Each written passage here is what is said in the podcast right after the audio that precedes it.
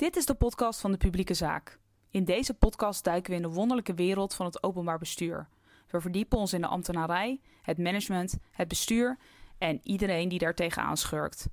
Daarbij hebben we het over macht, effectiviteit, kunde, loopbaankeuzes, leermomenten en nog veel meer. Wij zijn Laura Huigens en Jarno Deen, twee bevlogen ambtenaren die zowaar een podcast zijn begonnen. Hoe maken we het beter en hoe maken we het leuker? Daar draait het om. Veel plezier!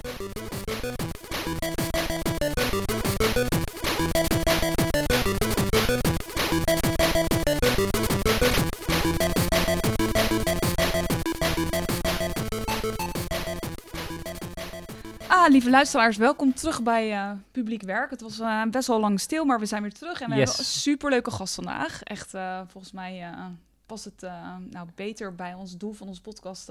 hè, dichter bij ons doel van het podcast kunnen we bijna niet komen, voor mijn gevoel. Maar, want we hebben vandaag eh, Suzanne Potjer, zeg ik het goed? Helemaal. Suzanne Potjer. En, en zij is expert op het gebied van leren en experimenteren in het publieke domein. Bij de overheid dus. En eh, Suzanne is een overheidsvernieuwer. Eh, zij werkt onder andere als Chief Exploration Officer, CXO. Ik had eigenlijk nog nooit van de term gehoord tot, eh, tot ik haar tegenkwam. Maar ehm, zij werkt onder andere vanuit de agenda stad van het ministerie van Binnenlandse Zaken. En zij gaat op zoek naar vernieuwingen in ons openbaar bestuur. En eh, ja, zij is dus ook een soort expert voor nieuwe manieren van werken en interbestuurlijk leren. Iets eh, waar ik voor mijn gevoel eh, altijd mee bezig ben. Dus ik vind het echt super leuk dat je hier bent. Welkom, Suzanne. Dankjewel. Hey Suzanne, CXO, heb je dat zelf bedacht? Hoe kom je aan de, aan de functietitel? Ja, ik heb de, de titel niet zelf bedacht. Ik heb het wel ehm, misschien wel in Nederland geïntroduceerd. In ieder geval, voor zover ik weet, eh, in ons openbaar bestuur. Ehm, het begon met een artikel dat ik, eh, toen ik bezig was met mijn onderzoek naar experimenteel bestuur. Toen was ik natuurlijk ontzettend veel aan het lezen. En toen las ik een artikel van een wetenschapper, Michel Acuto. Eh, en die had eigenlijk een pleidooi over dat de overheid, en hij had het specifiek over stadsoverheden, gemeenten. Hij zei eigenlijk, ja, gemeentes zouden allemaal een CXO moeten hebben. Want op al die ingewikkelde onderwerpen waar we mee bezig zijn, dan zien we gewoon, er gebeurt heel veel. Maar we moeten veel beter in staat zijn om elkaars ideeën te jatten. En ook om samen te werken, eigenlijk om partnerschappen aan te gaan. Om eigenlijk veel efficiënter om te gaan met, met deze vernieuwingsopgave. Dus het is eigenlijk, om, om, om het even kort samen te vatten, het is eigenlijk een rol waar je een soort van dedicated op zoek mag gaan naar goede ideeën buiten, waar je jouw eigen organisatie wat van kan leren. Ja. En andersom dus ook. Ja, het is eigenlijk echt een, die CXO is een verbindende rol. Die wil eh, zowel op ideeniveau als ook in eh, menselijk niveau die connecties leggen tussen praktijken en tussen mensen. Nou, wat mooi. Dat, is wel, dat is wel weer leuk aan ministeries, dat ze dat soort rollen ook hebben. ja, zeker weten. ik, denk, ik, soms, ik denk ook wel eens, en misschien ben ik dat dan ook wel een beetje bij mijn eigen organisatie. Maar ik heet natuurlijk niet zo. Maar Ja. er zijn er natuurlijk best wel veel. Ja. En het is ook wel goed omdat, eh, nou, dat er een woord voor is. Denk, ik denk eerlijk gezegd dat er een, een CXO in heel veel van ons eh, schuilt. Ja. Eh, wat wel eh, samen met, ik doe het vanuit Agenda Stad, hè, vanuit het ministerie van Binnenlandse Zaken. Ehm, dus samen met mijn samenwerkingspartners daar hebben we wel bewust gekozen voor deze term CXO. Omdat we weten dat het natuurlijk enorm nieuwsgierig maakt. En daarmee zet je ook het belang van exploratie en van van elkaar leren, zet je daarmee op een podium. Dus dat is het mooie van zo'n ronkende titel. Hey, en eh, als het belangrijk is, dan is het dus ook nodig. Waarom, is, waarom, waarom hebben we meer verkenning en exploratie nodig? Zitten we een beetje vast misschien? Ja, nee, ik, denk wel dat, dat de, noodzaak van vernieuwing binnen de overheid dat die heel groot is. Ehm, er moeten dingen anders. We, ik denk dat eigenlijk iedereen die voor de overheid werkt of ermee te maken heeft, wel dagelijks meemaakt dat een beetje die klassieke manier van werken, hè, dus Ja. top-down, planmatig, ehm, dat die in veel opzichten wel tekortschiet. Ja, als ik, Ik zeg niet dat we het helemaal moeten weggooien hoor, maar ik denk wel dat er, we moeten er wel ook iets naast plaatsen wat veel meer gaat over samenwerken, kunnen experimenteren, leren. En, en daar moeten we echt nog veel meer in, in bereiken. En dat is echt heel belangrijk dat we dat doen. Ja, ik zeg wel eens eh, eh, van ja, volgens mij is de overheid ook wel een beetje stuk. Ja. Ehm, en als je dat zegt, dan, dan heb je ook wel eens het gevoel, ben ik nou, ben ik nou cynisch aan het worden? Hè? Is het nou... eh, eh, ehm, maar ja, je kunt het ook zien als het... het, is misschien, het werkt misschien niet helemaal zoals het, als het hoort, maar er gaat natuurlijk ook gewoon wel een hele hoop goed. Uh, maar ik vind het wel een interessant idee dat we, um, dat we die verandering op een of andere manier op, moeten vormgeven. Want vanzelf gaat het natuurlijk Ja. niet. Ja, en, eh, weet je, het is eh, wat je zegt. eh, ik denk niet dat je de enige bent die op dit moment zo naar de overheid kijkt. Zowel van binnen de overheid als ook buiten de overheid. Hè? Dus ook hoe in de media over de overheid wordt gepraat. Kijk, sinds de toeslagenaffaire is het ook gewoon echt duidelijk dat de overheid hele foute dingen kan doen. En in dit opzicht ook, wat er gebeurde bij de toeslagenaffaire was ook niet één instantie. Het waren alle instanties, alle schakels tezamen. Dus dat is heel ernstig. Ehm, kijk, dat, dat is absoluut een onderdeel van de realiteit. Dat er dingen anders moeten en dat er dingen niet goed gaan.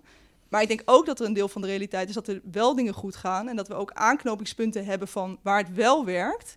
Dat we, dat we daar moeten beginnen om eigenlijk die grote vraag te beantwoorden van hoe gaan we nou op een andere manier werken. Ja.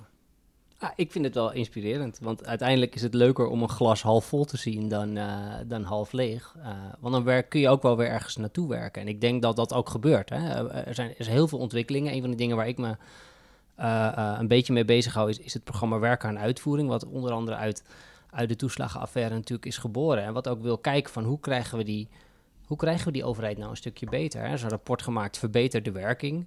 Eh, eh, er is wel een, een beweging op gang ehm, om, het, om het beter te maken. Ja, en het is ook belangrijk werk. Ik, Ja. geloof, ook dan, ik geloof er ook in dat we het met elkaar moeten doen. En, en, en als dingen vastlopen of als dingen aan het licht komen dat ze niet werken, kan het ook een incentive zijn om dingen juist weer te veranderen. Dus dat, het is ergens heel treurig, weet je wel, dat de toeslagenaffaire eh, eerst nodig is voordat er dingen veranderen. Of dat het echt op de politieke agenda staat, zeg maar, dat we, dat we hier wat mee moeten. Want ik denk, Ja. het, dat is misgegaan. Maar waar we nu zitten met de woningmarkt en zo, kan je ook gewoon terug herleiden naar allerlei keuzes die gemaakt zijn. Ja. Ehm, maar tegelijkertijd, weet je, als dingen kraken en piepen, dan is er dus ook. eh, nou, dan, eh, dan komt er meer aandacht voor dat het gesmeerd Ja. moet. En dat er Ja. misschien een nieuw deur moet. Ja. Zo. Ja, en tegelijkertijd dus, dus helemaal mee eens. En ook wat je zegt, eh, wat ik, het woord dat je gebruikt, geloof, vind ik heel mooi. Want ergens denk ik, als je voor de publieke zaak werkt, dan zit er ook gewoon een geloof in van, eh, weet je wel, ons openbaar bestuur kan goed zijn. En daar moeten we ons voor inzetten. Dus je gelooft daarin en daarom zet je je daarvoor in.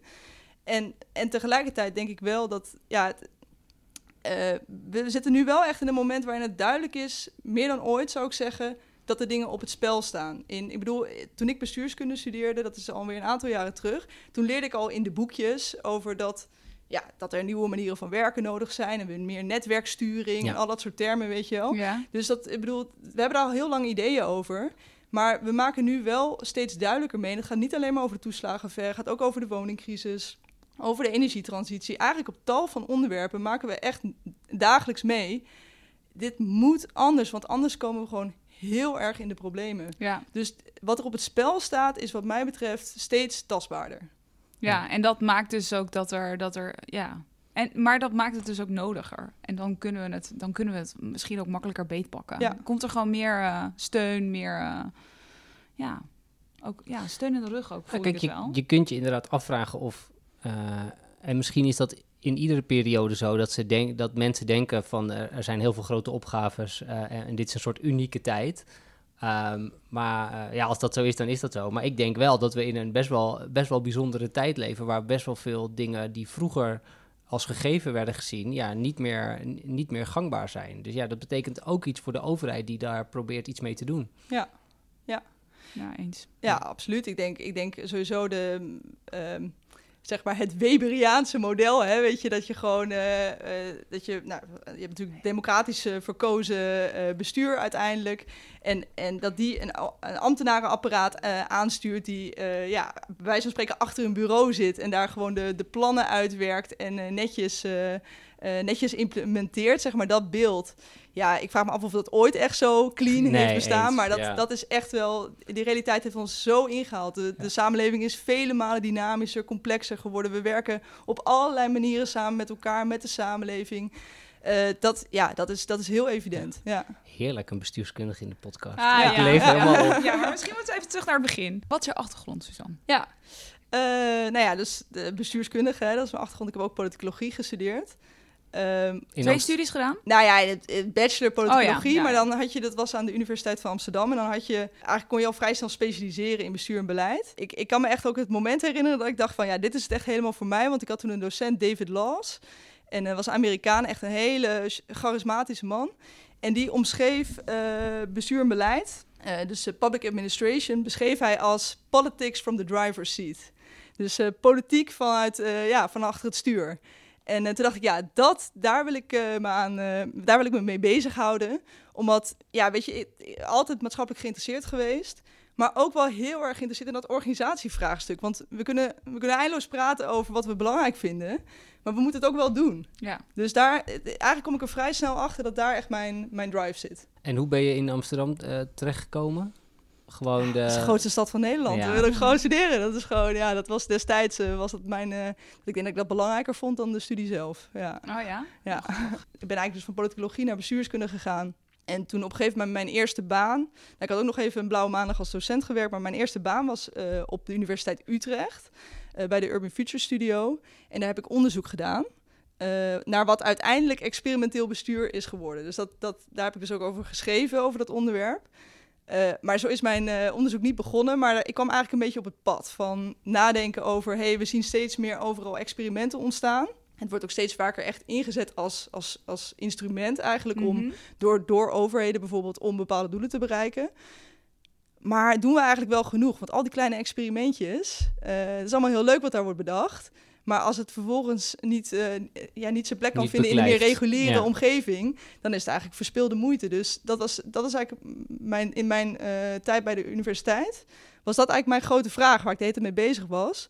Hoe kunnen we nou dat experimenteren als sturingsstrategie eigenlijk, of als sturingsfilosofie, nou meer systematisch kunnen maken? Dat het echt, echt tot grotere veranderingen kan leiden. Want je noemt het vaak niet een experiment, maar een pilot. Ik denk, Ja. dat je, klopt dat ook? Hè? Klopt- Pilot, Living Lab, eh, Urban Ja, Lab, jeetje, je kunt een eindelijk voor, eh, ja. proeftuin, eh, testbed, je kunt er eindeloos veel termen op En, plakken. soms zie je ook dat een pilot wordt gebruikt om te kijken, werkt iets? Want dan kunnen we er iets mee. Ja, Maar soms wordt het ook een beetje als een eh gebruikt Een als ja, buitenboordmotor. ja, of, of ja, als een buitenboordmotor Of van nou, we gaan even kijken.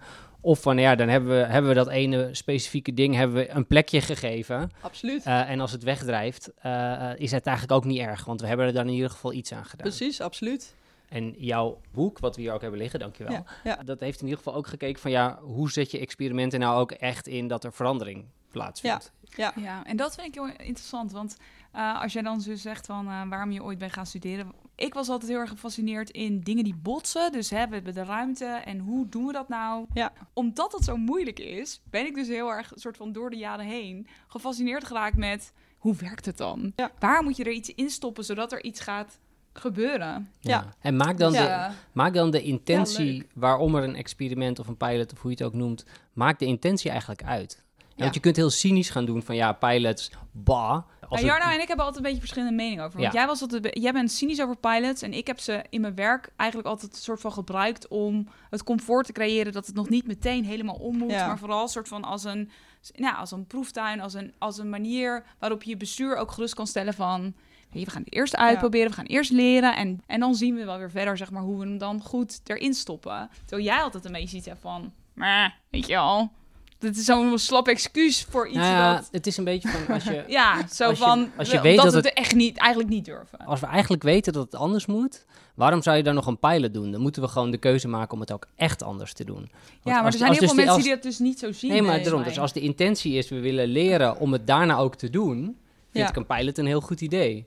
Maar als je, een, als je het doet om het doen, snap je wat ik bedoel? Mm, ja, nee, dan vind nee, ik ja, het- ik snap Weet je, kijk, ik denk ook, kijk, het is een label. Dus zoals bij alle, alle labels, alle type manieren van werken, ehm, is het shit in, shit out. Weet je wel? Dus het hangt, het gaat niet, je- niet, omdat je iets noemt, het is een proeftuin, is het automatisch goed. Een proeftuin is niet inherent goed. Nee. Ik heb wel in dat, in dat boek Experimenteel Bestuur. met De, de, de focus van het boek is niet experimenten zelf. Eigenlijk neem ik die aan als gegeven en onderzoek ik wat is nou daar omheen nodig om te zorgen dat experimenten impact kunnen hebben. Ja. Eh, maar je moet natuurlijk dan wel even in het begin stilstaan bij wat zijn experimenten nou eigenlijk. En daarin benoem ik zowel verschillende soorten experimenten om ook een beetje te laten zien van hé, er zijn allerlei varianten. Maar ik benoem ook een aantal kwaliteitskenmerken. En uh, dat is echt geen, uh, ik, ik, ik, noem er drie. En dat is niet een sluitend lijstje. Je kunt dat echt nog wel aanvullen met andere eigenschappen. Maar dat was in ieder geval om een soort van uh, houvast te geven. Zei ik van drie dingen die, die nou, in ieder geval op basis van mijn blik, van de experimenten die ik nu gevolgd heb, drie kenmerken die volgens mij heel belangrijk zijn. Is de allereerste is dat het een zekere praktijkgerichtheid heeft. Dus dat het, het, het een bepaalde afgebakende setting neemt. Waarin je ook gevoelig bent voor wat er in die specifieke context speelt. Dus wat, zijn, wat is de dynamiek die daar is? Wat zijn de kansen die daar liggen? Wat is de problematiek die daar speelt? Dat je, daar, dat je dus echt die contextualiteit te pakken neemt. Dat is uh, kenmerk 1. Het tweede is uh, leren door doen. Uh, dus het gaat echt om een proces waarin je doet en iedere stap met elkaar leert. En dat leren is niet alleen maar sociaal het is ook technisch. Hè? Dus het, of nee, het is eigenlijk niet, ik zeg het eigenlijk precies andersom. Het is niet alleen technisch. Dus het gaat niet alleen maar over werkt elektrische deelmobiliteit, ja of nee. Weet je, hoe werkt dat met die la laadpaal? Maar het gaat ook over hoe gaan wij met verschillende partijen met elkaar samenwerken. eigenlijk draagvlak voor een deel. Ja, ja, precies.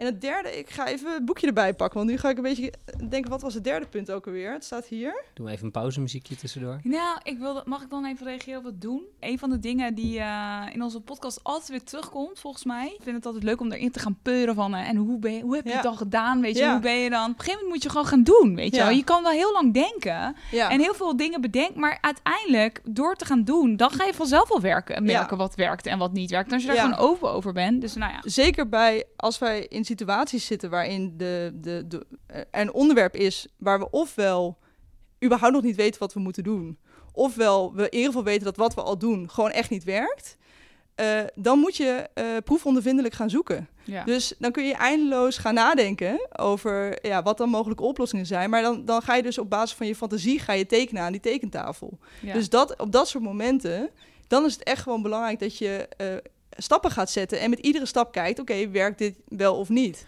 Maar is dan de, want je zit bij, B, je zit bij BZK en ergens als ik dit zo beluister, gaat het ook heel erg over hè, praktijkgericht, leren door doen en ergens mijn beeld bij BZK is altijd wel dat daar heel veel, dat het een heel hooggeleerd departement is. Hè? Er wordt heel erg ook samengewerkt met de wetenschap. Er zitten we ook niet te veel in die denktrand. Ja, het is een beetje een soort van, we zitten allemaal in een eigen, ons eigen wereldje. Dus de denkers denken en de doeners doen. Ja, uh, but the two will never meet, weet je wel? Dus, ja, dus, ja, nee, dat ben ik eens. Dat ja. Is, dat is en dat, en wat uh, voor het, uh, toch even dat derde element noemen, hè? Want jij, Jarno, jij, jij, gaf, jij fluisterde het in, dankjewel daarvoor. Samenwerken, dus dat, dat, moet in experimenten, dat is ongelooflijk belangrijk. Maar ook, ook waar we nu net over hebben, dat samenwerken. Je, het gaat juist om het verbinden van disciplines.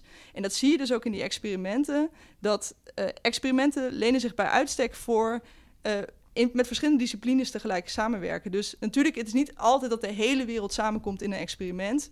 Maar het is wel vaak een combinatie van. Hè? Dus soms wordt het getrokken door bewoners of door sociaal ondernemers. Maar is ook een gemeente erbij betrokken of een waterschap. Uh, of uh, zijn er ook wetenschappers bij betrokken of uh, weer een andere rol. Je ziet eigenlijk altijd wel combinaties van verschillende rollen. Moet een experiment dat altijd gelukt zijn om er ook om succesvol te zijn? Nee, nee, helemaal niet. Maar dat is natuurlijk wel, dit is wel een ingewikkeld element, hè, experimenten. Want ik denk eigenlijk juist gewoon alles wat je dus leert in zowel in, in wat niet goed gaat of niet naar verwachting gaat, uh, als de dingen die uh, juist wel goed gaan en waar je ook die je had verwacht of misschien ook niet had verwacht. Dat het hele proces van continu reflecteren op uh, wat, is nu, wat heeft deze stap ons nu weer opgeleverd, dat is zo ongelooflijk belangrijk. Maar wat, wat, wat ik echt wel duidelijk zie als een, als een probleem in onze cultuur eigenlijk van het openbaar bestuur, is dat wij, en dat, dat is letterlijk ook een publieke waarde, wij zijn super gericht op doelmatigheid. Ja, efficiëntie en, doelmatigheid ja, zo hoog. Precies. Ja. En, dat, en dat, dat is ook continu de meetlat, die wordt gelegd bij ja. uh, experimenten. En in dat, in dat uh, essaytje dat, uh, dat Maarten Haaier en ik na het boek hebben geschreven, zeggen we ook in het einde in de conclusie, er moeten nieuwe publieke waarden worden toegevoegd aan die andere waarden, namelijk leervaardigheid. Overheden zouden zich zeker op, op die complexe dossiers waar ze aan het experimenteren zijn, zouden ze zich moeten verantwoorden op hoe ze aan het leren zijn. Want dat is dan je primaire. Dus bijvoorbeeld in een programma Aardgasvrije Wijken, waar ze bezig zijn met aardgasvrije proeftuinen. dan is het eerste doel daar is leren. Dat, is, dat, dat doel is eigenlijk groter dan in de eerste instantie Ja. zoveel mogelijk huizen van het gas afhalen. Want je wil eerst leren om vervolgens, dat is een beetje de, de beleidstheorie, te kunnen versnellen. Ja, ah, grappig. Nee, want ik, ik, ik zat ehm, eh, met de rekenkamer van eh, Hilversum. Die kwam op visite in de, in de fractie. En toen vroeg ik ook van, hè, want een, een rekenkamer is natuurlijk geïnstitutionaliseerd leren. Of in ieder geval vanaf de zijkant proberen Ja. eh, dat er gekeken wordt naar hoe het ook anders zou kunnen. Overigens doet de rekenkamer vooral eh, de doelmatigheidscheck. En die bredere publieke waarde is in die zin, eh nou ja, goed, volgens ja, mij is ik dat... het zeggen, want rekenkamers, nou ja. Ja, dat nee, maar wel ja, maar- dat is waarom ze-. Dat is waarom ze zijn ingesteld. Hè? Dus dat is ergens ook wel interessant. Is dat moeten we die bredere publieke waarden ook niet op die manier eh, verder institutioneren. Maar hoe dan ook, toen kwam, kwam ook het gesprek naar voren van ja, is het ook een lerende organisatie? Want dat is iets als je bij een organisatie werkt, wordt vaak genoemd. Hè? We willen een lerende organisatie Ja. zijn. ja, Maar eigenlijk is het wel om ze daar ook op uit te dagen. Ja. eh, en het misschien ook als waarde te benoemen. Ik snap hem wel. ja. Nou, eh, ook refereert naar de rekenkamer. Kijk, de rekenkamer doet heel belangrijk werk. Maar ik denk in het algemeen zijn wij geneigd om leren en verantwoorden tot hetzelfde ding te maken. En dat is het gewoon niet. Want kijk, dat verantwoorden in een beleidscyclus, dat je gewoon verantwoord waar je je middelen aan hebt besteed en wat daar het resultaat van is geweest, dat is en blijft belangrijk. Maar de implicatie dat we zomaar in zo'n beleidscyclus leren, dus dat je dat rapport, bij wijze van spreken, je hebt dus het beleid is uitgevoerd, het rapport eh, is eh, geschreven en iedereen leest het en die weet in één keer halleluja, dit is dus wat we nu in vervolg moeten gaan doen. Mhm. Ja, die assumptie, ik denk dat, dat eigenlijk iedereen dat wel meemaakt, die assumptie, die klopt gewoon niet. Nee, want je zegt heel vaak, het sluiten van de beleidscyclus, dat is iets wat, er, hè, wat niet goed gaat. Hè. In algemene zin binnen, binnen overheidsland is dat lastig. Hè? Ja. En dat komt deels omdat we wel verantwoorden, maar inderdaad niet per se ook leren, omdat die stap verder naar van waar gaat het mis en wat doen we daar dan mee, ja, dan word je niet... Nou, het grappige is dat we wel leren. Ja. Maar het is, we, we, we, we, we, vatten het bijna een soort van diezelfde doelmatigheidstermen. En Ja. dat, dat, matcht niet Ja, het voelt niet Ja. zo. Nee, dus het is wel ja. van... Ja. dus je kunt het zelfs benoemen. En dan nog moet het resultaat misschien gewoon een rapportje zijn met de dingen die we bereikt hebben. Ja. Weet je wel? Dus dat is dan... Nee, nee, zo- we hadden ja. het in het voorgesprek ook over dat jij eh, die aardgasvrije wijk hebt gevolgd... en dat die uiteindelijk door een rekenkamer redelijk afgebrand waren op de doelmatigheid. Nou, juist in het begin eigenlijk. Vooral in het ja, begin. vooral in het begin. Ja, want dat, wat daar wel heel interessant is aan dat, aan dat voorbeeld, is eh, dat toen dat programma net zelf bestond, ehm, ze zelf ook nog niet zo goed waren in heel, heel duidelijk uitleggen, en ook dus de minister, in heel duidelijk uitleggen, wat doen we in dit programma? Wat is daarin belangrijk en hoe organiseren we dat? En dat ging dus natuurlijk, uiteindelijk bleek dat, gaan, dat gaat om dat leren. Maar in het begin hadden ze zelf ook nog niet die duidelijke taal. Oh ja. En toen kwam dus vrij vroeg in het proces kwam eh, de Algemene Rekenkamer. En ja, die had een vernietigend rapport eigenlijk. Die zeiden van ja, weet je, eh, dit programma zit hartstikke veel geld in. En eh, jullie hadden in het eerste jaar, hadden jullie voor al dat geld slechts, nou weet ik veel, een paar honderd of een paar duizend woningen beloofd. Dat is al op zichzelf al totaal niet doelmatig. En Maar ook dat hebben jullie niet gehaald. Wat gaat hier mis? Dat, was dat is natuurlijk niet hoe de rekenkamer dat formuleerde, maar zo werd het een beetje opgepakt in de Ja, media. ja. En vervolgens natuurlijk ook in de Tweede Kamer. ja. En dan zie je dus dat zo'n programma eigenlijk een enorme comeback moet maken. In, in rap tempo. Heel erg duidelijk expliciteren. En dus daar ook over nadenken. Wat zijn we hier eigenlijk aan het doen? En dan zie je ook dat ze een heel mooi leersysteem hebben opgetuigd. Daar ook steeds duidelijker over zijn gaan praten. En natuurlijk ook daar eindeloos veel potentie om dingen nog beter te doen. Eh, maar het was wel een beetje vanuit de positie van 10-0 achterstand. vanaf het moment dat dat rapport kwam. Ja. En, en dat, dus het gaat niet om de Algemene Rekenkamer dat die hier Nee, nee, iets nee. fout deed. Maar het is wel een symptoom van eh, eigenlijk een openbaar bestuur dat leren nog helemaal niet op het netvlies heeft. Nee, en ik herken het ook heel erg. Ehm, een paar jaar geleden hadden wij een soort van een promovendus rondlopen bij Rijnland... die soort van een strategietraject bij ons helemaal ging volgen. Ik had van de week zijn proefschrift toegestuurd gekregen... en er stond dat hele proces in beschreven. En dan zit je dus nog een keer na te lezen, zeg maar, hoe, zo'n, hoe vergaderingen gaan... hoe zo'n strategietraject tot stand komt. En dan zag je heel groot... Daar zat een hele grote... Nou, ik triggerde ook op dit onderwerp... want er zat een hele grote verschil in... zeg maar, dat we dat hele traject hadden ingestoken als leertraject... met cases en iedere portefeuillehouder zijn eigen leercase... en zouden we dan helemaal... Maar uiteindelijk, en dan hebben we ook, stond ook allemaal in het plan van aanpak. Maar die bestuurder die verantwoordelijk was, die wilde gewoon een visie. En die wilde gewoon een klip-en-klaar rapportje. Ja, en ja. dat liep uiteindelijk helemaal uit elkaar. En het clashte dus op een gegeven moment ook. Ja, en ik heb het zelf ook wel meegemaakt met audits. Want ik, wer- ik werk als relatiemanager. Al jaren ben ik bezig met allemaal altijd samenwerken. En daar zitten heel veel zachte dingen in. Maar je wordt afgerekend over het aantal vierkante meters, eh, Ja. het geld dat is al uitgegeven. Terwijl ik denk dat het ontzettend veel heeft opgeleverd. Dus dat zette mij ook heel erg aan het denken van hoe verantwoord je over samenwerking, over Ja. leertrajecten. En dat, dat vraagt om een veel kwalitatievere beantwoord of, of een benadering of zo. Want dan zat ik met die mensen van de auditcommissie en dan zeiden ze... En dan had ik het helemaal uitgelegd en dan zaten ze te knikken en dan kreeg ik het rapport en dan stond het gewoon weer kaart in van... Je Ja. hebt die doelen niet gehaald nee, of zo. Ik Ook, ik denk wat jouw voorbeeld, eh, wat mij betreft, laat zien, is dat, kijk, wat mij betreft moeten we werken naar een situatie van en-en. Dus eh, mijn pleidooi is nooit om, zeg maar, eh, Nee, dat herken ik wel. dat het, zeg maar de, de meer planmatige manier van werken en vervolgens die beleidscyclus, om dat helemaal in de prullenbak te gooien. En nu gaan we het helemaal anders doen. We gaan alles op zijn schop gooien.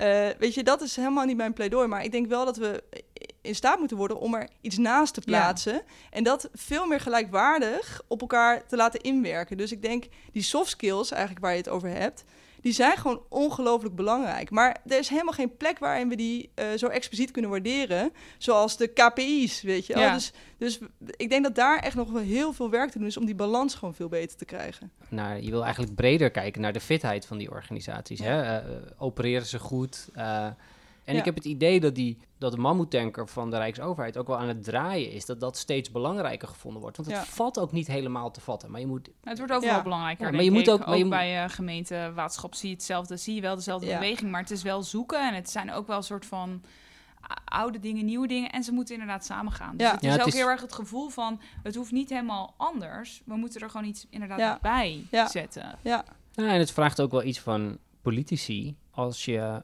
dingen belangrijk vindt, maar je kunt er wat minder makkelijk op sturen, moet je misschien ook wat minder zwaar aan, aan KPI's denken op een bepaald ander vlak. Hè? Dus Ja. het, is, het, is, het is vanuit alle spelers in het openbaar bestuur, eh, vergt het iets. ja, Ja. ja, ja, absoluut. Absoluut. En ook dat politiek-bestuurlijke element is daarin wel echt een grote uitdaging, denk ik. Omdat uiteindelijk raadsleden, eh, wethouders of andere rollen, hè, die, die vinden er wat van. Volgens mij noemde je dat ook al net. Ik heb een mooie anekdote, die heb ik me ooit laten vertellen over in Utrecht. eh, dat die tram, eh, die, die natuurlijk nu rijdt eh, tussen de Uithof Ja. en, en het centrum. Dat nou, enorm traject geweest, allemaal dingen met vertragingen en veel meer geld en zo, zoals dat vaker bij dat soort grote infrastructuurtrajecten gebeurt. Maar aan het einde, toen het allemaal klaar was, hebben ze een testperiode ingelast. Ehm, en dat was natuurlijk om te zorgen dat als het eenmaal als hij echt rijdt met mensen erin, dat er dan eh, geen eh, ongelukken ontstaan of onverwachte dingen. Maar er gingen allerlei dingen mis in die testperiode. En toen vervolgens waren er dus allerlei raadsleden die daar enorm verbolgen over waren. Van hoe kan dat? Miljoenen aan Ja. uitgegeven. Dat kan toch niet dat er iets fout gaat? Ja, dat is echt heel lastig. Het niet. eh, we hebben ook dus naast. eh, we, we hebben het een beetje over de cultuur hè, van het openbaar bestuur. En, ik- en ook hoe ik denk in het algemeen we in onze samenleving kijken naar de overheid. Er zit wel echt wel een maakbaarheidsidee achter. Dat er Ja. dat het überhaupt mogelijk is dat er dingen foutloos gaan. Ehm, ik, ik, ik kijk zelf veel meer naar de wereld. We leven in een inherent onvolmaakte wereld, maar we proberen er wat van te maken. En inderdaad, die olietanker die doet van alles en nog wat fout, maar je, je hoopt hem een beetje beter te maken. Ja. Ik denk dat, dat dat is veel meer de optiek waarmee ik daar naar kijk. Maar dat is, dat is toch wel heel moeilijk. Want ik heb toch het idee dat ook, weet je, in de- onze mediacultuur, dus ook wat je ziet in de Tweede Kamer, er wordt zoveel gescoord met, met boos over dingen zijn. En daar moet je dus ook vervolgens als ambtenarenapparaat. Heb je daar, dus je Ja. kunt, je kunt heel vernieuwend bezig willen zijn in jouw experiment. Maar dat is wel die dynamiek waar je continu eh, Ja. in bevindt. Er is wel heel snel kritiek en, en, en bestuurders liggen ook in die zin met hun hoofd op het hakblok de hele tijd. Ja, ja. ja. Ah, uiteindelijk gaat het denk ik dat je gaat het erom dat je het eerlijke verhaal vertelt. Dat je iets, een experiment kan ook misgaan. Ja. Eh, als je iets probeert, moet je ook accepteren dat het misschien niet helemaal gaat zoals je loopt. Dus je moet ook eh, ervoor openstaan dat die ehm, eh, dat van A naar B traject, wat we een beetje gewend zijn te denken, dat dat niet altijd zo gaat werken. En als je uiteindelijk bij C uitkomt, dat A de reis eh, eh, nuttig geweest kan zijn, maar dat Ja. C misschien ook wel een mooi, Ja. een mooi eindpunt is. Want Ja. wat ik uiteindelijk leuk vind aan jouw idee van op een positieve manier kijken naar experimenten, is dat je eigenlijk laat zien, het kan wel. Eigenlijk zou ik, wat ik hier schrijf, is dat dat de belangrijkste potentiële waarde is van dit soort praktijken. Is dat ze nieuwe alternatieven scheppen. Dus dat zij laten zien, oh, we dachten circulaire economie, oh, vet, vet moeilijk. Maar hey, in het Hof van Cartesius in Utrecht doen ze het gewoon. Ja. Oh, het kan dus wel. Ja. En dat het, oh, het kan dus wel. Oh, dan kan ik het misschien ook. Weet je wel? Dus, of kunnen wij het misschien ook? Ik denk dat de kracht van voorbeelden, die worden ge- continu worden gegenereerd in dit soort praktijken, dat dat heel belangrijk is. In pot- en dat doen ze in potentie, dus niet per definitie. Nee, nee, precies. Ja, ja, ja. Ja, maar het inspireert wel. Daadwerkelijk om het ook gewoon wel te doen en wel Ja. te proberen. Want dat vind ik heel interessant aan wat jij ook schetst. Dat je, je kunt dus ook voorwaarden scheppen waardoor het gewoon... Door de kans dat het lukt groter wordt. Absoluut. Waardoor die spanning, want die vind ik heel interessant, waar we het net ook over hadden met die bestuurders en zo. Ik trigger altijd een beetje op het woord lef. Het wordt heel veel gebruikt. Het wordt eh, overal waar kom, wordt altijd heel veel gebruikt. Ja, ja, maar misbruikt. Het is misschien wel eerder misbruikt. Nou, ik vind dat gewoon een hele makkelijke term om het bij mensen te leggen. Ja, ja. Als bijna een eigenschap. Want ik denk altijd als je niet lef hebt, wat, dan ben je misschien laf of zo. Ja. Maar, maar, maar hoe, hoe kun je mensen nou faciliteren? Ja, in, dat, in dat essay met eh, Maarten Haaien, daar hebben we het even over die term pioniers, die in dit kader ook veel wordt geopperd. Hè? We Hmm. hebben het heel veel over pioniers, ik zelf ook. Maar dan maken we de vergelijking van, ja, waar komt die term nou eigenlijk vandaan? En dan eh, gaan we even terug naar de pioniers van de frontier, die gewoon echt onder erbarmelijke omstandigheden een trektocht naar het westen in Amerika maakten, waar mensen, eh, weet je, die overleden kindjes eh, redden het niet, hele leven in armoede geleefd, die totaal er alleen voor stonden. Ja, En, de alleenigheid er ook van. Ja. ja. en ik denk dat, dat dit helaas ook nog wel de realiteit is voor de pioniers binnen de overheid. Natuurlijk, gaan, daarin gaan ook dingen goed. Maar je ziet toch ook wel vaak dat mensen niet, niet altijd gesteund worden in, in de pogingen die ze ondernemen om iets te veranderen. Terwijl dat natuurlijk zo belangrijk is. Je moet het echt met elkaar doen. Dus op alle, dus niet alleen maar bij bijvoorbeeld je leidinggevende of bij bestuurders, maar ook horizontaal.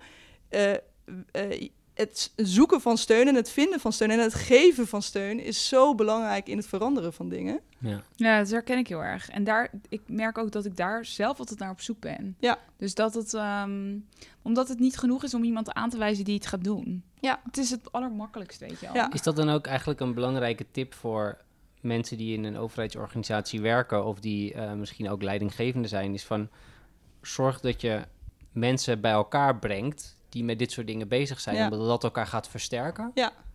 Ja, dus ik denk eigenlijk, eigenlijk moet iedereen, dus er is altijd een, een vraag, wat kan je zelf doen en wat kan je betekenen voor anderen? En ik denk dat die beide vragen zijn relevant en je hebt ze, ze interacteren met elkaar. Want ik, laatst las ik iets van een of andere management guru, eh, guru, ik weet ook niet eens meer wie dat was.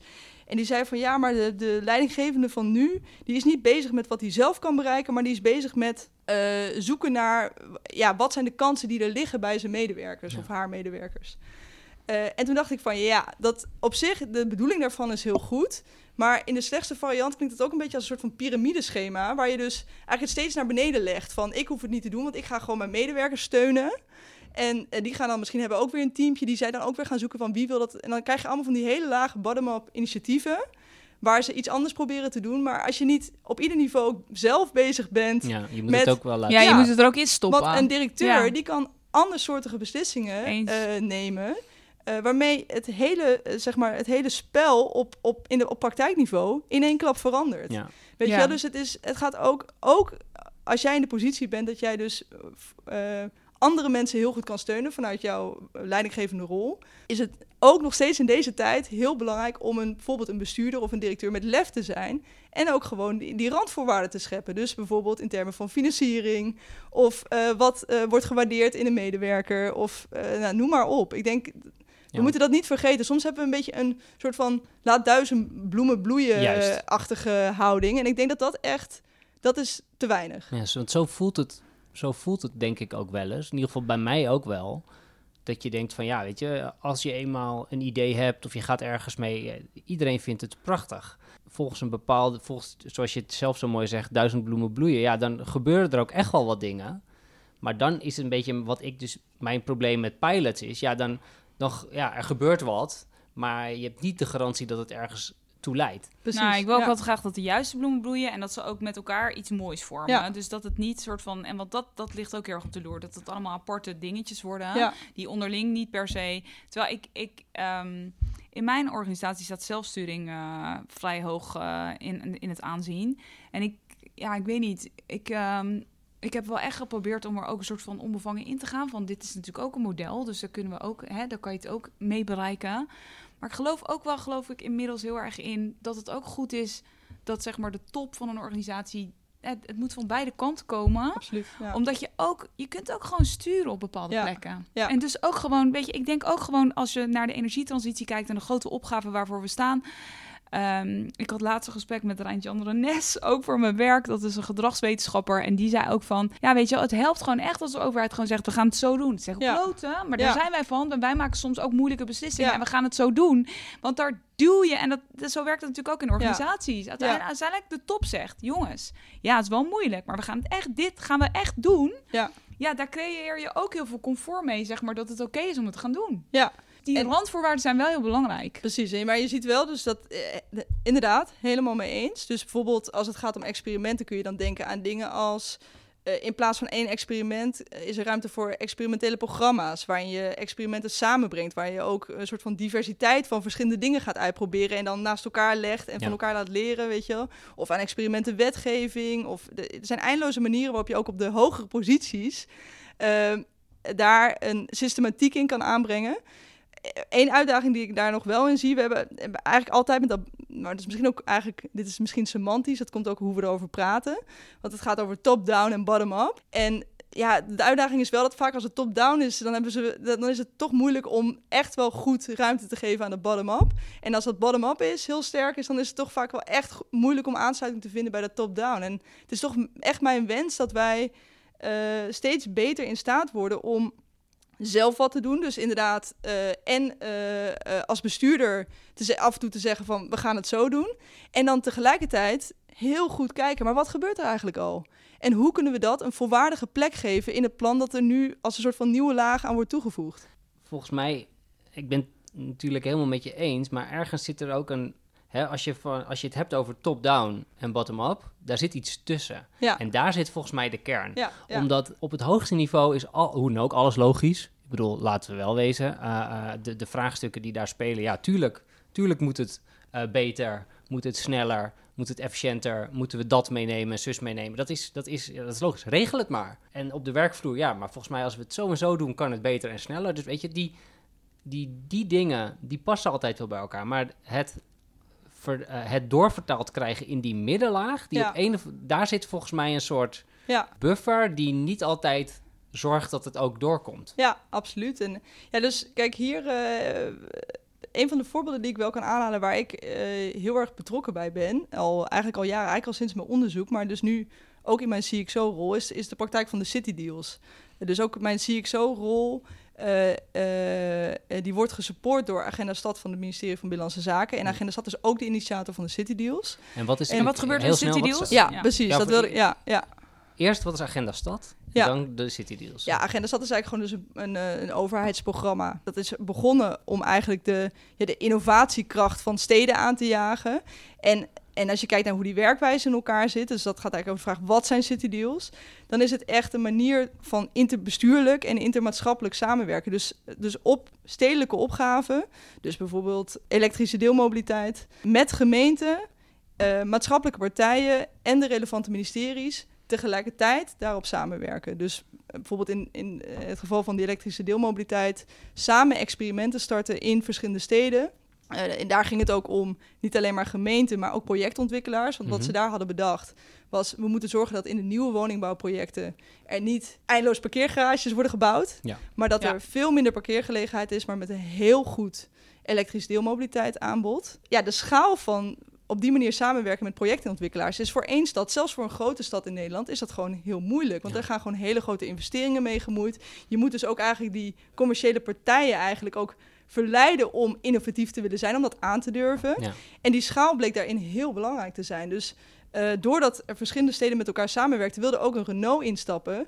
Die, eh, ja, die dus mee wilde gaan doen in zo'n experimenteel Ja. proces. Omdat Hoe gaan het groter was. Omdat Ja. het groter was. Ergens heeft dat, eh, dat die tussenlaag, dat wordt dus in die City Deal als werkwijze eigenlijk gedaan. Van we zien van, hey, dit speelt op in alle dit soort vraagstukken spelen op verschillende plekken tegelijk.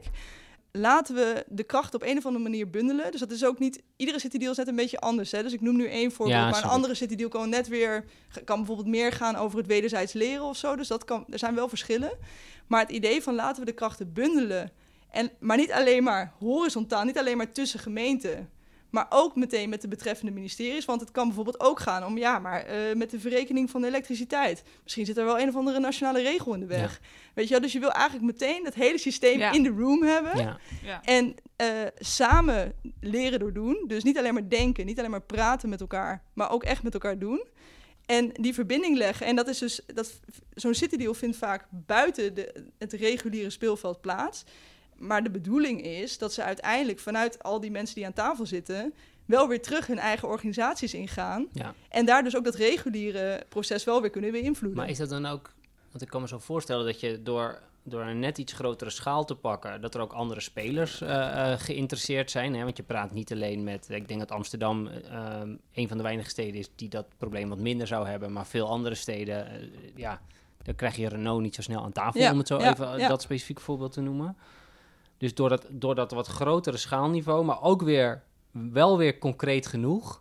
krijg je dus net iets meer voor elkaar. En Ja. ik denk dat daar ook wel de les in zit. Is dat je als je het gewoon van A naar B wil doen binnen je eigen context, krijg je het misschien niet voor elkaar. Maar Ja. je hebt ook die, je moet jezelf ook de tijd gunnen om het beter te willen doen. ja, Ja. Daar zit denk ik dan die experimenteerruimte. Ja. Klopt dat? Nou ja, soms moet je dus dingen eh, complexer maken voordat ze eenvoudiger kunnen worden. Dus dat kan dus ook eh, complexer zijn in termen van meer partijen erbij Ja. betrekken. Waardoor je inderdaad, die, waar jij Meer het over had, Laura, die hele aanloop van elkaar leren kennen. Want je hebt totaal andere misschien eh, mores over wat normaal is en hoe je vergadert. Eh, Ja. Je kunnen echt hele domme, basale Ja. dingen zijn. Ja. Maar dat, die aanloop is, het moment dat je gaat samenwerken tussen organisaties, ja, eh, is dat, speelt dat gewoon allemaal een hele grote rol. ja. Maar eh, de hoop is, en wat in de goede gevallen ook gebeurt, is dat je dan vervolgens gewoon daadwerkelijk veel meer kunt bereiken. Omdat je gewoon al die elementen die sowieso een rol zullen spelen, die zijn er al onderdeel van. Ja, dus Je, zit, je bakt er al in, zeg maar, van Ja. het begin. Ja. Aan Ja. de voorkant. Ja. En wat is jouw rol daar dan in? Ja. In dus bij de City Deals. Ja, Ja. Zeg maar, wat, hoe, hoe, voel, je, voel je dan Ja. rol in? Nou, dat is kijk, hoe dat ooit begonnen is, is dus toen ik aan het experimenteel bestuuronderzoek werkte, toen was het een case. Ja. Toen werkten we ook samen met dus dat instituut waar ik werkte, de Urban Future Studio. eh, werkte actief samen met eh, het ministerie van Binnenlandse Zaken, onder andere. En daardoor was ik eigenlijk al vanaf het begin niet alleen maar een onderzoeker die weet je, een paar mensen interviewde, maar ik, ja, ik, ik, ik deed ook wat actieve dingen. Was bij events, eh, organiseerde daar dingen mee. En ik was eigenlijk vanaf het begin al wel echt heel erg geïnteresseerd. Het was een van die voorbeelden waar ik dacht van ja, dit is wel echt heel gaaf wat hier gebeurt. Dat, zijn ook, dat is natuurlijk een beetje een soort van intuïtie. Mhm. En, ehm, en ehm, van het ene is eigenlijk het andere gekomen. Eh, dus ehm, inmiddels werk ik ook helemaal niet meer op de universiteit. Hè. Ik ben een zelfstandige. Eh, maar eigenlijk die, die, die relatie met de City Deals en met Agenda Stad, eh, die is eigenlijk al die jaren geweest. Eh, bijvoorbeeld, op een gegeven moment kwam het idee, dat was ook vanuit eigenlijk mijn, mijn studie, van, die ik dus deed, van hey, super waardevol wat er gebeurt in deze City Deals. Maar ehm, kunnen we niet zorgen dat het nog veel beter onderling tussen die city deals van elkaar wordt geleerd? Want kijk, iedere deal gaat over een totaal ander onderwerp. Dus ik noemde net deelmobiliteit. Een ander onderwerp is maatwerk in het sociaal domein. Echt Ja, compleet andere onderwerpen. Maar als het gaat over interbestuurlijk samenwerken, over wat is nou een goed experiment, over hoe eh, ga je effectief om met eh, bestuurders, al dat soort gewoon praktische vragen, daar is er zoveel potentie van wederzijds leren en ook elkaar, eigenlijk elkaar ehm, van steun zijn voor elkaar. Ja. Hè? Van, oh my god, het is af en toe ook wel moeilijk. En daar heb je af en toe over kunnen uitwisselen en dus je niet alleen voelen. Ja. Eh, tot aan eh, het gewoon, ja, hoe heb jij dat gedaan? Oh, dat is een slimme tip, daar ga ik, daar ga ik op mijn manier ook wat mee doen. Nou, die potentie die zagen we heel duidelijk. En toen hebben we dus eh, met verschillende partners ook eigenlijk een groepje, dus ook Platform 31 was daarbij betrokken en een creatief strate eh, stratege was daarbij betrokken. Hebben dus een community of practice, een community of practice, sorry, even helder uitspreken. Ja, eh, een COP hebben we opgericht. En eh, daar, dat is eigenlijk gewoon een gemeenschap waarin we zoveel, Ja. eens in de zoveel tijd eh, samenkomen. Eh, en dus dat leren tussen elkaar eh, proberen te bevorderen. En er zijn ook al zelfs nieuwe city deals uit voortgekomen.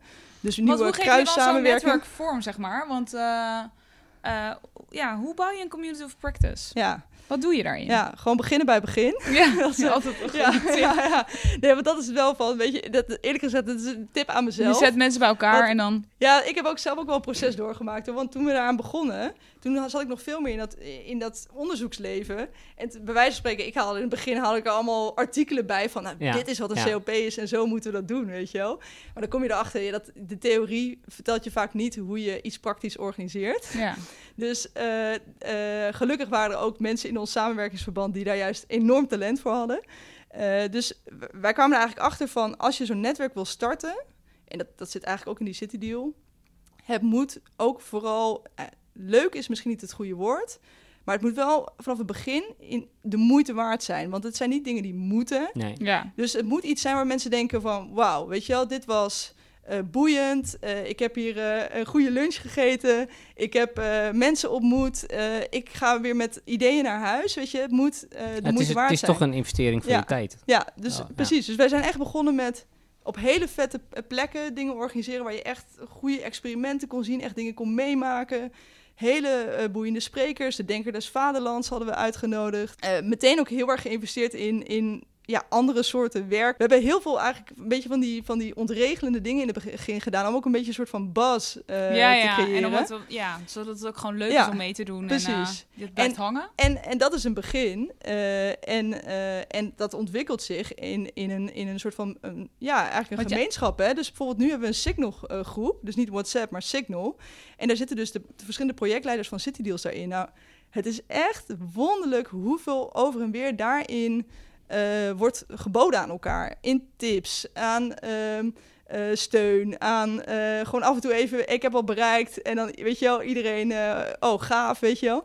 Eh, en zelfs ook gewoon wat ik al zei, waar zelfs nieuwe deals uit zijn ontstaan. Gewoon via een zoiets simpels als een signal group, weet je wel. Nou, Maar dat, is, dat, dat heb je natuurlijk niet in het begin. Dus nu is het een best stabiele eh, leergemeenschap eigenlijk. Ja, en dan, dan kan het zichzelf ook makkelijk gaan bedruipelen of Ja. zo. Tenminste, als je, het, als je het gewoon blijft voeden. Ja, en daar merken we dus ook van, het is, dat is dus niet helemaal zelfsturend, om het zo maar te zeggen. Daar moet je Ja. dus, daar, daar is werk voor ons, dus dat, dat zit bij Agenda Stad en dus eh, wie Agenda Stad eromheen verzameld heeft. Om bijvoorbeeld, nou ja, vorig jaar hadden we dus dit boekje gemaakt. Het ging dus over de onbewuste kennis van City Deal makers, projectleiders en, en dealmakers. En eh, de rode draad eigenlijk die daaruit is gekomen is ja, de kunst van NN, eh, hebben we het genoemd. Dat eigenlijk gaat het over een City Deal succesvol eh, aansturen of aanjagen, of hoe je dat ook wil noemen. Dat eh, betekent dat je zowel eigenlijk dat innovatieve en dat met elkaar samenwerken, dat je dat goed wil doen. Maar je wil ook inderdaad in staat zijn om wel die vertaalslag te maken naar wat moet er in de regu- meer de reguliere wereld Ja. gebeuren. Eh, wat zijn de momenten waarop je daar invloed kunt uitoefenen? Hoe zorg je dat mensen binnen hun eigen organisatie vervolgens het belangrijke werk doen?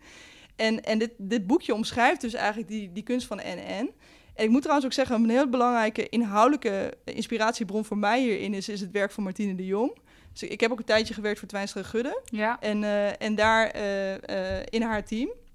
En zij heeft veel geschreven samen met anderen ook over tweebenig samenwerken. dat, ja. dat gaat hier over. Ja. Dus over eigenlijk, je hebt de binnenwereld en de buitenwereld. Dat is de termen die zij hiervoor ge- gebruikt. En zeker in deze tijd waarin we steeds meer samenwerken, is die buitenwereld steeds belangrijker. Maar zegt ze ook, vergeet niet die binnenwereld. Nee, ja, maar die is ook heel belangrijk. Want als die gescheiden zijn, Ja. dan heeft die buitenwereld Ja. uiteindelijk wat je daar bereikt niet zoveel effect. ik liep er steeds tegenaan dat ik het binnen dan niet voor elkaar krijg. Ja, Omdat de binnenwereld ja, een andere taal sprak dan de buitenwereld. En dat vertalen vond ik leuk om te doen. ja, Eh, maar uiteindelijk wil je ook zorgen, als je twee keer met een verhaal komt en het lukt niet, ja, dan nemen ze je buiten ook niet meer serieus. Dus die binnenwereld, ja, daar wil, Ja. dus toen ben ik steeds meer ook die binnenwereld willen gaan Ja. veranderen. ja, Want als je alleen maar buiten bent, Ja, ja, ja dan bereik je uiteindelijk niet zo heel veel. En dus Ja. dat vind ik zelf ook wel een heel interessant gegeven, dat je, ehm, het is inderdaad ook echt en-en. ja, Eh, en we moeten dus ook zorgen dat als iemand heel goed is in het een, dat Ja. je er iemand naast zet die het ander ook kan. ja, Ja, maar dat heb ik ook wel. Dat, ik vond dat wel zeg maar bij onze vorige organisatie heel leuk. Dat we daar op een gegeven moment hadden we ook een soort werkende wijze leren ontwikkeld. Waar Ja. we eigenlijk hadden bedacht van we gaan het buiten proberen. En moeten we proberen om het heel snel op de bestuurstafel te leggen. Dus als Ja. we buiten ergens tegenaan lopen van. Hè, het ging heel erg over klimaatadaptatie en hoe, hoe vind je je rol daarin als waterschap. Uh, maar dat gaat dus ook heel erg over schuivende rol. Van, hè, steek je alleen maar geld in watergangen en kunstwerken of voor die watergangen? Of mag je bijvoorbeeld ook gaan meebetalen aan de openbare ruimte als dat uiteindelijk jouw probleem op een andere manier ook oplost? of het maatschappelijke vraagstuk oplost. Maar om daar een soort van in de theorie over te praten is heel lastig. Dus dan merk je dat je heel snel verzandt in algemeenheden en dan kan je dus en, en een case is dan wel leuk, maar we, we hadden zoiets van we zouden het eigenlijk echt aan de hand van de, de praktijk moeten gaan doen. Dus ga het maar doen en als je dan vragen hebt buiten, dan leggen we ze heel snel terug op de bestuurstafel, zodat die bestuurders ook uh, hè, met die ambtenaar erbij soort van kunnen doorvoelen van uh, waar loop je dan tegenaan en dan zodat je soort van heel snel kan op en neer schakelen tussen bestuur en buiten. En dat was dat dat werkte, nou, gaf in ieder geval dynamiek. Ja. En ook een soort van, oh ja, we maken daar stappen in. Ja, want dan loop je, loop je heel aan. mooi voorbeeld. En dan loop je aan tegen regels. Ja. Regels die uh, altijd een bedoeling hebben. Ja. Um, uh, maar um, die bedoeling een keer challenger door uh, vanuit de praktijk naar te kijken. Uh, Dat helpt, zeker als mensen gewoon met vergunningen of iets dergelijks ja. bezig zijn. Hè? Dan moet je soms ook een beetje uitgedaagd worden om anders te kijken. Ja. Nou, dat, dat moet je organiseren. Nou, het moet elkaar ook steunen. Dus ik heb ook het idee dat uh, regels zijn in dan... in dat, als, als je hip twee benen wil zijn, zijn regels soms ook een beetje... Hè, weet je, we moeten ontregelen, geen regels meer. Of mensen moeten ook gewoon met een blanco ding naar buiten kunnen. Maar dat vinden mensen heel moeilijk. En uh, regels kunnen het wel heel erg steunen. Dus uiteindelijk als je soort van, net als dat als de overheid echt een stap wil maken van we willen het anders doen, dan kunnen regels wel natuurlijk een enorm goede manier zijn om dingen af te dwingen. Of nee, uiteindelijk ja. als ruggensteun voor elkaar te krijgen. En ze maken dingen heel scherp. Maar je moet dus zodra die regel staat, dan krijg je soms, soms krijg je ook dan pas echt protest. Nee, eens. Dus, het is wel. Het is wel het is, daar moet je dus het gesprek over voeren. Je moet het niet als gegeven zien, hè, maar je moet het al, als een startpunt van het gesprek zien. Wat mij betreft is het wel echt duidelijk dat dus die overheid structureel uh, uh, moet veranderen. En ook, ook, cultureel. Dus zowel op de structuren die bedacht zijn en geïnstitutionaliseerd zijn, als ook de cultuur, wat we normaal vinden. Daarin moeten, wat mij betreft, dingen wezenlijk veranderen. Tegelijkertijd geloof ik ook heel erg dat uh, met goede ideeën gaan we die veranderingen echt niet bereiken. Het is niet een soort van, oh, weet je wel, dit hadden we nog niet bedacht, dan gaan we het gewoon zo doen. Nee, we komen er echt alleen maar als, als we stappen zetten. Dus als er binnen organisaties mensen bereid zijn om kleine dingen te veranderen. Uh, en dat kan gaan over inderdaad een keer die, die rare cyclus dat je ieder jaar je project weer klaar is en dat je dan weer nieuw geld moet aanvragen. Ja, dan moet dus wel iemand zijn met lef om te kijken van oké, zijn er alternatieve modellen daarvoor mogelijk? En dus ik, daarom geloof ik, ik denk echt dat het zo ongelooflijk belangrijk is dat we elkaar ook steunen als een soort van beweging. Met, met voorbeelden, maar ook gewoon steunen met het vinden van nieuwe partnerschappen. Om, om, er worden overal dingen bedacht. Er zijn overal kiemen van vernieuwing. Maar die mogen veel beter met elkaar in verbinding zijn. Zodat ze ook weer aanmoedigen voor nieuwe stappen. Want zo komen we wat mij betreft vooruit. Dus eigenlijk hè, uh, uh, voor uh, onze luisteraars die zich soms misschien wat alleen voelen. Je bent niet in je eentje. Hè? Als je de overheid wil veranderen en je hebt daar uh, die beweging die is er. Um, alleen nog niet zo gestructureerd als je misschien zou willen. En als het niet binnen je eigen organisatie is, kun je dat ook ergens anders vinden. Zeker, dat is een heel goed punt wat je nu nog even toevoegt. Want je hebt altijd steun nodig. En soms zit die steun in een collega of in jouw team of in je organisatie. Maar het kan ook zijn dat het daar op een of andere reden op een bepaald moment niet aanwezig is. Nou, als jij voor een bepaald onderwerp wil gaan, echt het gevoel hebt van hier, weet je, dit is, een, dit is iets waar ik uh, ondernemend op wil zijn, want ik heb het gevoel dat dit echt van maatschappelijke meerwaarde is. Kijk naar buiten. Hè? Kijk, eh, zijn er dingen bij andere organisaties gaande? Zijn er mogelijkheden voor partnerschappen? Zijn er uh, gewoon plekken waar je überhaupt gewoon een idee op kan doen? En nu we heel erg op mijn, mijn missie als Chief Exploration Officer, hè, als CXO. Is uh, die, die beweging aanjagen. Uh, eigenlijk die beweging die al lang plaatsvindt. Dus er gebeurt al superveel. En natuurlijk, er wordt ook op allerlei plekken vindt dat leren plaats, vindt het vinden van nieuwe partnerschappen plaats. Maar ik denk waar ik in ieder geval een bij, eh, bijdrage aan wil leveren als CXO, is ook dat verhaal opbouwen. Dus dat we dit al aan het doen zijn en wat het eigenlijk wat, hoe we nog een stap verder kunnen gaan. Dus ik ga onder andere een nieuwsbrief schrijven. En uh, uh, de eerste is net verstuurd. Ja, je en kunt erop abonneren, toch? Ja, je, precies. Ja. Dan kun je op abonneren in de show notes. Zie de show notes. Ja, ja, perfect. Maar dat, dat thema overheidsvernieuwing, dat heeft natuurlijk duizend facetten. Ja. En uh, nou, ik weet niet of er duizend afleveringen van deze nieuwsbrief komen, maar ik wil het wel uh, eigenlijk per hapje gaan verkennen. En dan steeds met, uh, met mensen die ik op mijn pad heb ontmoet, met ideeën vanuit verschillende praktijken, misschien soms ook met een wetenschappelijke publicatie. Eigenlijk heel eclectisch verkennen samen met de lezer wat gebeurt er al, wat gaat al goed en wat zou de volgende stappen kunnen zijn. En dat is eigenlijk, uh, dus als, als zie ik zo ben ik gewoon dagelijks praktisch te werken. Dus ik zal op pad zijn, ik zal plekken bezoeken, ik zal met mensen spreken. Ik zal ook steeds bezig zijn met, uh, oké, wat kan mijn thuisbasis, uh, Binnenlandse Zaken, nou leren van, van de voorbeelden die ik ophaal. Maar daarnaast heb ik ook echt die brede missie om eigenlijk iedereen die, een, die voor het openbaar bestuur werkt of die gewoon uh, hart heeft voor de publieke zaak, om van inspiratie te voorzien en ook om eigenlijk ons, ja, om, om die beweging aan te jagen. Hopelijk ook, wat, wat mij heel mooi lijkt, maar dat is het toekomstbeeld, is dat uh, als er in de toekomst een keer op LinkedIn, als ik zo'n nieuwsbrief plaats, dat dan mensen daaronder gewoon gesprekken met elkaar ja. aangaan en, uh, en daar elkaar ook nog vinden, weet je wel. Dat, dat zie je tegenwoordig in, uh, in de goede, de goede LinkedIn-persona. dat vind ik zo inspirerend, want dan, dan hoor je bij elkaar, ook al ben je niet onderdeel van dezelfde organisatie. Nee, dan ben je echt die community met elkaar ja. of zo. Ja, ja, dat is heel interessant. Ja. Nou. Leuk. Ja, dus ja. Uh, ook een uitnodiging om mee te doen. Ja, ja, zeker. Ga mee op pad. Ja. Wij hebben altijd een laatste vraag nog die we altijd willen stellen aan onze, aan onze gast. Um, wat denk jij dat de grootste uitdaging is voor het openbaar bestuur op dit moment? Ja, dat is een hele mooie vraag. Wat ik echt denk dat onmiddellijker moet gebeuren is uh, en dat is echt wel, dat is echt heel belangrijk. Ook met de problemen waar we het in het begin van ons gesprek over hadden. Is het, is het leren van ervaringen in de praktijk. We moeten echt zo snel mogelijk moeten we tot gewoon concrete ideeën en concrete praktijken komen waarin we dat doen. Dus dan gaat het ook even weer over die pokgelden. Um, er zijn hier ook voorbeelden van. Hè? Dus om even één voorbeeld aan te halen. Um, uh, sorry, dat is wel mijn derde City Deal voorbeeld. Maar ik hoop okay. dat jullie mij dat no, vergeven. No nee, in de City Deal eenvoudig maatwerk, dat gaat dus over sociaal domein. Uh, daar hebben ze op een gegeven moment een rode knop bedacht. En die is nu ook verder geïnstitutionaliseerd in, uh, in, ja, in volgende programma's. En wat die rode knop eigenlijk was, is als je als gemeente tegen hele lastige casuïstiek aanloopt. Dus bijvoorbeeld een, een gezin uh, die, uh, waar je hulp wil verlenen, maar waarin er ook bijvoorbeeld problemen blijken te zijn met schulden. En daar heeft weer de Belastingdienst mee te maken. Ja. Maar dat is natuurlijk een nationaal uitvoeringsorganisatie. Je dus eigenlijk als gemeente gewoon niet op kunt lossen. Dat je dan op de rode knop mag drukken, het naar boven stuurt, naar het ministerie, die zich dan committeert aan het vinden van een passende oplossing. En wat ik daar zo ingenieus aan vind, is dat is het echt een manier van tweerichtingsverkeer organiseren. Want wat ik nu wel zie in die, dat hele, we gaan meer beter leren van praktijkervaringen, is nou bijvoorbeeld één zo'n idee wat nu weer een beetje in zwang komt, is de uitvoerbaarheidstoets. Ja. Ja. Ja, maar dan denk ik dat dat betekent, is nog meer onderzoekers die nog meer rapporten gaan schrijven. Uh, die op, uh, op bureaus belanden. Ik denk echt dat er veel meer gewoon feedbackmechanismen in de bestaande praktijk moeten worden ja. ingebouwd. Zoals die rode knoppen. Ja. Dat het niet gaat om dat er iets onderzocht wordt, maar dat mensen gewoon op die knop kunnen drukken als er een probleem is.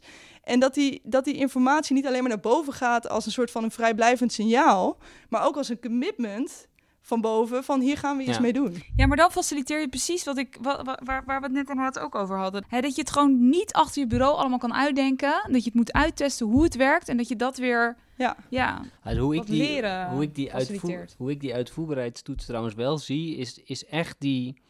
eh, dat zou, als dat als een onderzoek als, als het ware wordt opgepakt, dan zou het echt, echt hemeltergend geen goed idee zijn. Maar ik zie dat echt als een beweging die kijkt, is wat wij bedacht hebben, Ja. is het ook uitvoerbaar? Ja. En dat kun je alleen doen door het gesprek te voeren met de mensen die het ook daadwerkelijk uitvoeren. Hè? Dus de Ja. uitvoering. Maar eh, je zet me ook wel aan het denken, want misschien kun je dat ook alleen doen door het te proberen. Precies. Ehm, dus Ja. in, in die zin Ja. snap, ik wel heel erg, snap ik wel heel erg wat je bedoelt. Ja, en het is Ja. ook wat is het label, hè? Weet je, nee, dus fair enough. een maar, uitvoerbaarheidstoets kan inderdaad een, een, een rapport zijn dat niemand leest. En het kan ook een heel dynamische vorm hebben. Dus het, is altijd, het gaat altijd om de vraag, wat gebeurt hier daadwerkelijk? Maar ik denk wel dat we af moeten van een soort van hele ordentelijke cyclus... waarin we eerst alles gaan bedenken en uitschrijven... en het dan gaan uitvoeren en weer terug. hey, laten we Ja. wel Ja. wezen. Het is Eens. gewoon, de wereld is gewoon best rommelig. Ja. En we kunnen het zo mooi en gestructureerd mogelijk willen maken. Hè? Heel Weberiaans, om het Ja. zo maar even te zeggen. Maar dat is niet de dagdagelijkse realiteit. Dus eh, dat iets meer accepteren vraagt ook een andere aanpak. Ja, ja. Ik vond Mooi. het echt superleuk. Ja, ik Nou, ook. Dankjewel. Superleuk. Hey, ik ook. Ik vond het ook heel leuk om van jullie te horen. Dus eh, dank jullie wel. Nou, ja. ja. Ja, Nou, jij jij bedankt. Ja. Het was de podcast Publiekwerk. De muziek was van Bart de Jong. Vond je dit nou leuk? Laat vooral een recensie achter via je podcast-app. Heb je nog vragen of wil je in contact komen? Je kunt ons bereiken via Twitter, publiekwerk of jarnod1. Of je kunt ons e-mailen op publiekwerkdepodcast.gmail.com. Tot de volgende keer.